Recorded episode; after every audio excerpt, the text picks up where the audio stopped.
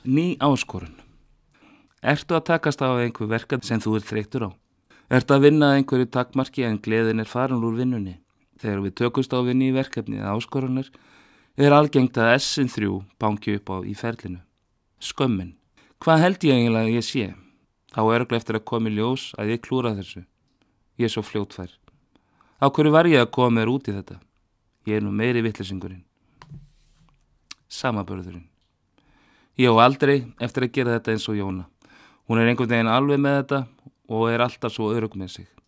Teka eftir því að það ótrúlega fólk að hvetja hann áfram. Hvað er ég eiginlega að spá? Er svo ekki þarna. Skorts hugsunin.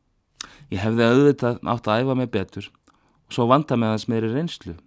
Hefði þurft smá meiri tíma. Eitt námskeið viðbútt. Væri örglega betra og býða fram á haust.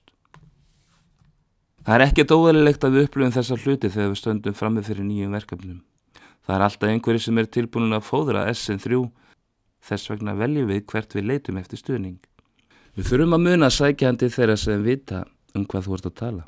Hafa stíð þarna út og láti verkið tala og stiðja því því í ferlinu. Við leitum til þeirra sem stendur ekki okna því sem við erum að gera því þetta er jafnveg líka þeirra draumur og þeir eiga kvorki stuðning fyrir sjálfan sig neðaðra. Leita til þeirra sem að sjálfur hafa kjark til að takast á verkefni þrátt fyrir S3 hafi verið ferðarfélagar. Þeir láta ekki skömmuna samaborðin eða skortshugsun stoppa sig. Svo leiti við stuðningstið þeirra sem vita að mistug eru hluti af því að takast á við nýja verkefni á sama tíma og það þarf kjark til að halda áfram. Þessi grein er eftir hana önnulegu og ólástóttir en annan lóa er mentur náms og starfsrákjaf og markþjálfi og jáfnframt stopnandi hamingjuhórsins á fjörsbúkinni. Í hamingjuhórninu eru fróðlegir og innihalsriki pislar um þætti sem snúa samskiptum, persónuður áskorunum og lífsins leindadómum. Ég hvet ykkur eindreiði til að kynna ykkur síðan að hennar, en hún leiði þú skiptir í máli podcastinu að nota greinar eftir sig og þökkum við henni afar vel fyrir það.